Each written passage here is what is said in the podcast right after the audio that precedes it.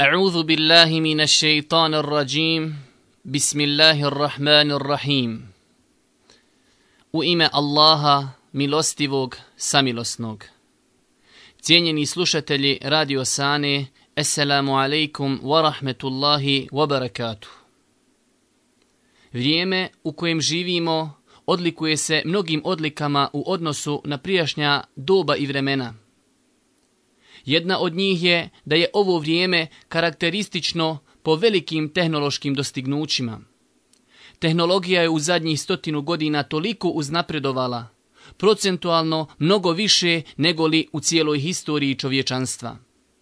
S druge strane, pogledamo li na čovječanstvo, vidjet ćemo da su u duhovnom smislu dostigli nivo koji kada bi se gledao procentualno u zadnjih stotinu godina vidjeli bi da su ljudi duhovno potonuli mnogo više nego li ikada u povijesti.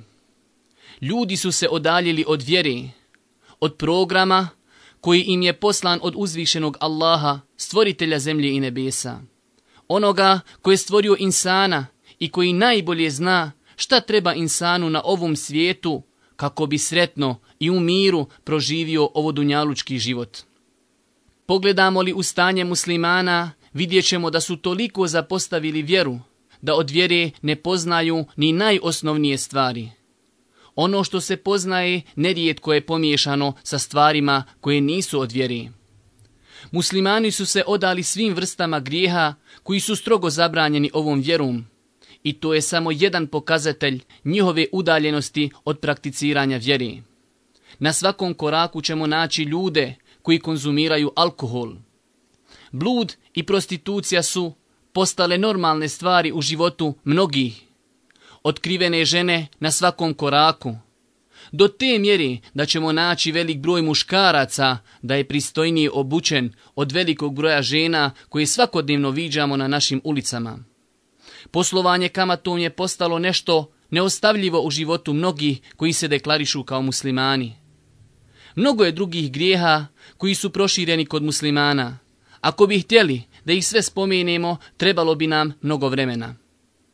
Allah subhanahu wa ta'ala nije uzalud zabranio ove grijehe. Njihovo činjenje ostavlja mnoge negativne posljedice na počinioce grijeha i na društvo u kojem živi. Primjera radi, ova vjera strogo zabranjuje mito i korupciju. Do te mjere da je poslanik, alihi selam, prokleo one koji to uzimaju i one koji to daju. Kršenje te božanske zabrane nosi sa sobom mnoge negativne posljedice, kako po pojedinca, tako i po društvo Pa ćemo naći da su ljudi dajući mito određenoj populaciji ljudi u društvu, kao što su doktori, sudije, policija, lugari i drugi, uzrokovali nesigurnost i nestabilnost u jednom društvu. Čovjek ako ode doktoru ili sudiji nije siguran da će dobiti svoja prava ako nije dao mito. Tako ljudi osjećaju još na dunjaluku gorčinu kršenja Allahovih granica. Tako je skoro sa svakim drugim grijehom. Žene su ostavile islamsku nošnju, a to je prouzrokovalo povećan broj silovanja, fizičkih nasrtaja na žene, povećao se broj oboljelih od side, broj vanbračnih djeci, broj razvoda, a sve to kao posljedica ostavljanja jednog islamskog načela. Ljudi su sami sebi zagorčali život na Dunjaluku. Da žive onako kako od njih traži njihov gospodar, sigurno bi živjeli sretno i zadovoljno na Dunjaluku i na Ahire. Primjer ljudi koji su ostavili praktikovanje Islama u svakodnevnom životu i odali se nekom od poroka je kao primjer čovjeka koji umire od gladi, a u kući ima kovčeg prepun zlatnika, koji nije ni zaključan, već samo treba da ga otvori i da uzme blaga koliko mu treba. Ili kao primjer čovjeka koji umire od bolova, a u kući ima kovčeg prepun korisnih lijekova protiv bolesti od koje boluje. Samo treba da otvori kovčeg i da popije lijekove. Tako i ljudi imaju islam, vjeru koja je životni program njima od njihovog stvoritelja, da sretno i u miru žive na Dunjaluku, ali su oni ostavili taj program, taj kovčeg prepun blaga i odali se raznim porocima, čije činjenje ih još na Dunjaluku mnogo košta. Ljudi umiru u zabludi pokraj kovčega Islama, koji je prepun onoga što im treba da bi postigli sreću na oba svijeta. Zato ćemo u ovom druženju spomenuti neka islamska načela iz kojih ćemo vidjeti ljepotu ove vjere, njenu nadnaravnost, to da je došla da bi usrećila čovječanstvo, da bi osjetili sklad i harmoniju dunjalučkog i ahiretskog života. Vidjet ćemo da je pogrešno ubjeđenje velikog broja ljudi, da vjera samo reguliše čovjekovu vezu između njega i gospodara, da je vjera samo u džamiji, vidjet ćemo da je vjera cjelokupan sistem života. Mnogo je primjera iz kojih ćemo vidjeti velike ljepote ove vjeri, koje su mrtvo slovo na papiru sve dok se ne sprovedu u svakodnevnom životu. Pogledajmo samo koliko pažnji islam posvećuje roditeljima, pažnji roditelja, njihovom dobročinstvu. Kako to s jedne strane ukazuje na ljepotu islama, a s druge strane kako bi ljudi sretno živjeli kada bi u tom segmentu života praktikovali islam. Islam nije zapostavio niti zaboravio trud i brigu roditelja koji su uložili u podizanju djeci. Pazeći roditelje, čovjek na neki način osigurava sebi bezbjednu budućnost u poznim godinama. Kako očekivati od naše djece da nas poštuju ako to nisu vidjeli od nas, kako smo mi pazili i čuvali naše roditelje u poznim godinama. Allah uzvišeni je spomenuo naredbu o dobročinstvu prema roditeljima s naredbom da se njemu jedinom ibadet čini i sa zabranom činjenja širka njemu slavljenom. Rekao je uzvišeni, gospodar tvoj zapovjeda da se samo njemu klanjate i da roditeljima dobročinstvo činite.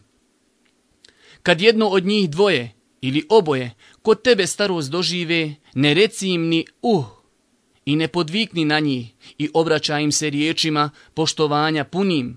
Budi prema njima pažljiv i ponizan i reci, gospodaru moj, smiruj im se, oni su mene, kad sam bio dijete, njegovali.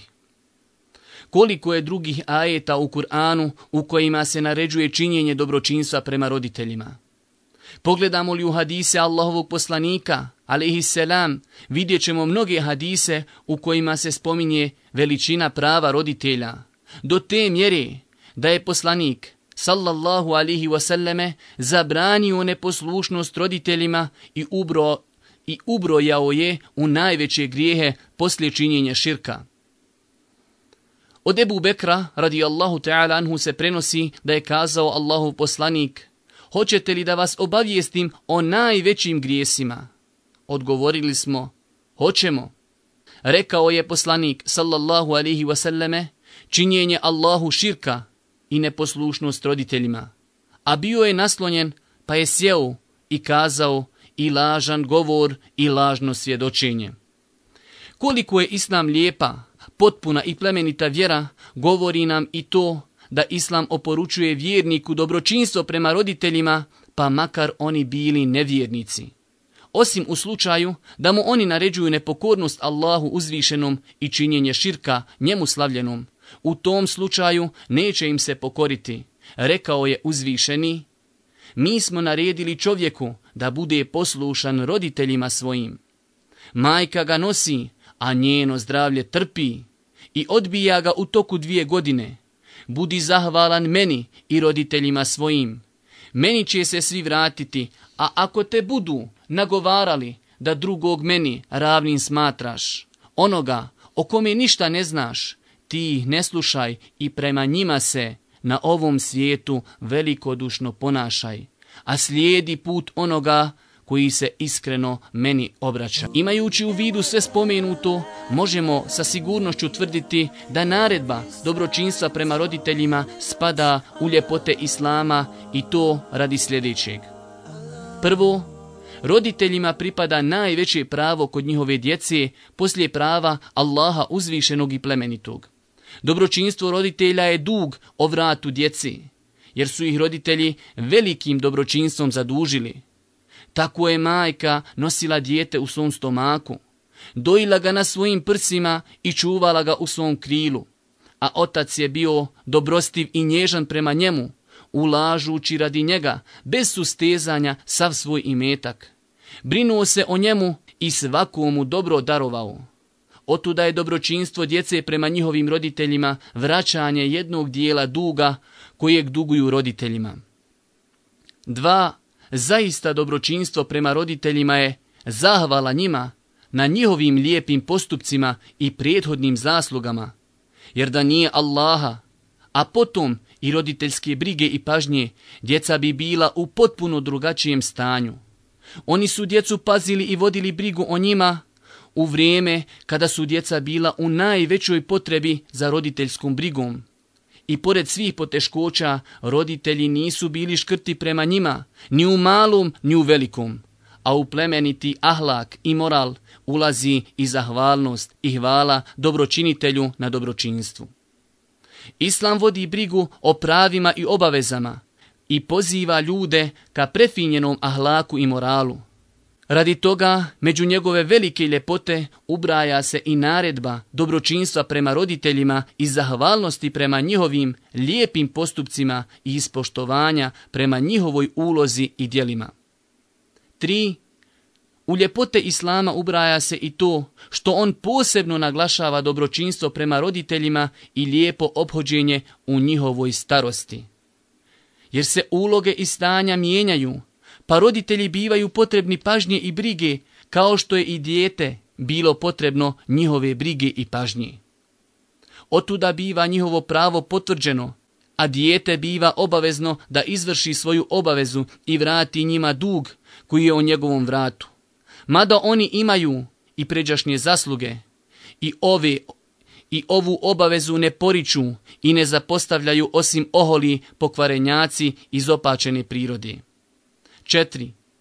U ljepote Islama također ubraja se i to što Islam pravo roditelja kod djece nije ograničio samo na vrijeme dok su oni živi, nego njihovo pravo ne prestaje ni poslije smrti. Došao je poslaniku sallallahu alihi wasallame čovjek i kazao Allahov poslaniće, da li mi je ostalo išta od dobročinstva prema mojim roditeljima koje bi ih mogao učiniti poslije njihove smrti? Rekao je poslanik, da, činjenje dove njima, izvršavanje njihovog zavjeta i održavanje rodbinskih veza koje se ne spajaju osim s njima. Također, Poslanik sallallahu alihi wasallam je kazao Zaista je jedno od najvećih dobročinstava da čovjek održava vezu s ljudima koje je volio njegov otac poslije njegove smrti. Kada bi ljudi uzeli za ova uzvišena načela u svakodnevnom životu, kako bi živjeli sretno još na Dunjaluku, vrijeme u kojem živimo prepuno je bura i afera između roditelja i njihove djeci. A to nije ništa do plod ostavljanja božanskih uputa. Također, od islamskih načela koja ukazuju na ljepotu islama jeste i to što islam veliku pažnju posvećuje pravima ljudi koji žive u našem komšiluku. Pošto musliman ne može biti bez doma u kojem će se skrasiti, niti bez komšija s kojima će se družiti, ova uzvišena vjera uredila je ovu vezu između muslimana i njegovih komšija između muslimana i njegovih komšija koji stanuju u njegovoj blizini, bez razlike kojem sloju i staležu ljudi pripadali, bez razlike bili oni vjernici ili nevjernici, naređujući mu da se prema njima lijepo obhodi i da im čini dobročinstvo. Kolika su prava komšije govori nam činjenica da je Allah njegovo pravo spomenuo u Kur'anu. Kaže uzvišeni Allah – i Allahu se klanjajte i nikoga njemu ravnim ne smatrajte. A roditeljima dobročinstvo činite i rođacima i siročadi i siromasima i komšijama bližnjim i komšijama daljnjim i drugovima i putnicima namjernicima i onima koji su u vašem posjedu. Allah zaista ne voli one koji se ohole i hvališu. Pogledamo li ugovor Allahovog poslanika alihi njegove hadise, vidjet ćemo mnoštvo hadisa koji ukazuju na veliko pravo komšije. Do te mjere da se ispravnost i potpunost vjerovanja uvjetuje dobročinstvom prema komšiji. Kazao je poslanik alihi selam, onaj ko vjeruje u Allaha i sudnji dan, neka čini dobročinstvo prema komšiji.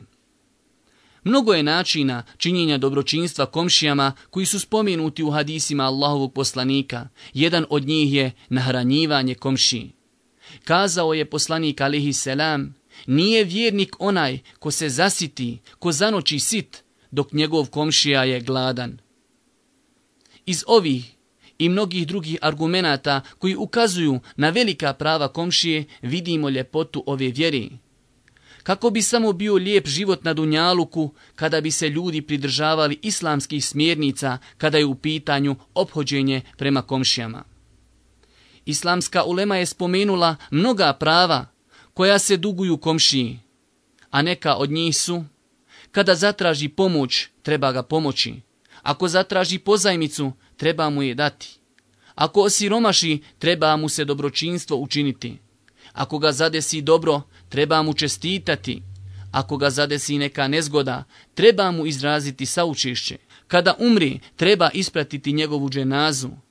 Ne treba uzdizati svoje građevine iznad njegovih, zaklanjujući ga, osim uz njegovu dozvolu. Ne treba ga uznemiravati mirisom svog lonca, osim da se i njemu iz njega dadni. Ova velika briga o komšiji u islamu je samo jedna potvrda brige Islama za dobrobit društva. Zamislite samo društvo u kojem svaki komšija čini dobročinstvo svom komšiji. Raspituje se o njegovom stanju, ispunjava njegove potrebe, pomaže ga u njegovim potrebama. Bez sumnje, to bi bilo primjerno društvo kojem ne bi bilo ravnog u čitavom svijetu. Ljepota Islama se ogleda i kroz posvećivanje velike pažnje pravima djeci. Islam je vjera koja mnogo pažnje posvećuje djeci i pravima djeci. Uzvišeni Allah, kao što je obavezao djecu mnogim obavezama prema roditeljima, isto tako je obavezao i roditelje mnogobrojnim obavezama prema djeci. Neke od tih obaveza bivaju prije njihovog samog rođenja, a neke bivaju poslije rođenja. A u ovome što slijedi spomenut ćemo nešto od tih prava i obaveza i ljepota Islama u njihovom propisivanju. Prvo, prava djece prije nego se rodi. Koliko Islam posvećuje pažnju pravima djece, govori nam i činjenica da djeca imaju prava prije nego se rodi. To ne postoji niti u jednom ovodunjalučkom sistemu, niti zakonu. Prvo, da se čovjek maksimalno potrudi da za životnog sudruga izabere čestitu, poštenu i moralnu osobu, iako je u današnjem vremenu takvih malo. Imajući neprestano na umu prilikom odabira supruge da je to osoba koja će odgajati njegovu djecu, djecu koja će sutra biti nosioci ovog društva. To je pravo njegovog djeteta, da otac brižno, sa puno truda, traži svom djetetu odgajateljicu. Za postavljanje ovog samo jednog prava djeteta nosi sa sobom mnoge štete. Naročito u današnjem vremenu, kada je veoma teško naći osobe koje prije braka razmišljaju o ovim stvarima. Kazao je poslanik, alihi selam, gledaj da oženiš vjernicu, ruke ti se zemljom uprašile. Također, kazao je Boži poslanik, sallallahu alihi wasallame, ako vam dođe u prošnju onaj čijom ste vjerom i moralom zadovoljni, oženite ga. A ako ne učinite, nastaće nered i fesad na zemlji. Zašto? Zato što cilj braka nije samo intimni odnos i zadovoljavanje strasti, nego lijep život i potpomaganje u bogobojaznosti i dobročinstvu. Tako muž naređuje supruzi činjenje dobra i pokornost Allahu uzvišenom, a ona njega također savjetuje i pomaže mu u tomi. Također, ispravnost supružnika ima velik utjecaj na ispravnost djeci i njihovu istrajnost na pravom putu. A sve te i druge lijepe osobine postižu se odabirom hajirli supruge i udajom za hajirli čovjeka. Drugo, prava djeci poslije njihovog rođenja. Pod jedan, učenje ezana na uho novorođenčeta nakon samog rođenja. I to radi toga kako bi prve riječi koje će novorođenče čuti bile riječi ezana, koje sadrže veličanje uzvišenog gospodara. Kako bi čuo šehadet s kojim se ulazi u islam, da šetan pobjegne od riječi ezana, da poziv ka Allahu i ka vjeri, islamu, bude prije šetanovog poziva i zbog mnogih drugih koristi. Dva, klanje kurbana, takozvani akike, za novorođenče, muško ili žensko. Od Semure radijallahu ta'ala anhu se prenosi da je kazao Allahu poslanik Svako novorođenče je vezano za svoju akiku, za kurban. Zaklaće se za njega sedmog dana, obrijaće mu se glava i nadjenuti ime. Akika je zahvala Allahu uzvišenom i plemenitom, koji je obskrbio taj bračni par s novorođenčetom, kako bi što veći broj ljudi učestvovao u radosti, a time se i raširio krug oni koji uče dovu za sreću roditelja i novorođenčeta. A u svemu tome je blagoslovljen doček za novorođenče, kada se proslavlja njegov dolazak na zemlju s ovim ibadetom i dovom njemu, a sve to da bi musliman postigao Allahu milost, uputu i zaštitu za novorođenče. 3. Nadjevanje djetetu lijepog imena. Sam poslanik, alihi selam, posticao je da se djeci nadjevaju lijepa imena. Prenosi se od Abdullaha ibn Omera da je kazao Allahu poslanik alihi selam, doista su najdraža imena Allahu, Abdullah i Abdurrahman.